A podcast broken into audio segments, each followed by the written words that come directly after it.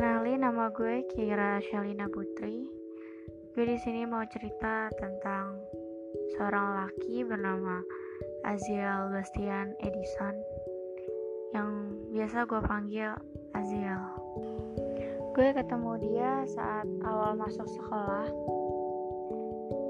Jadi gue sekolah di SMA Cendrawasih 5. Saat awal masuk sekolah, kita ternyata satu kelas di dalam kegiatan MPLS atau masa perkenalan lingkungan sekolah. Saat itu gue duduk di barisan kedua dan Aziel duduk di barisan pertama. Dan gue hanya bisa memandang dia dari belakang saja. Gak lama gue mandangin dia dari belakang, tiba-tiba dia noleh ke gue ngajakin gue berkenalan. Karena emang saat itu kondisinya satu kelas berisik dan semuanya juga pada ngajakin kenalan. Dan cuma gue doang yang diem.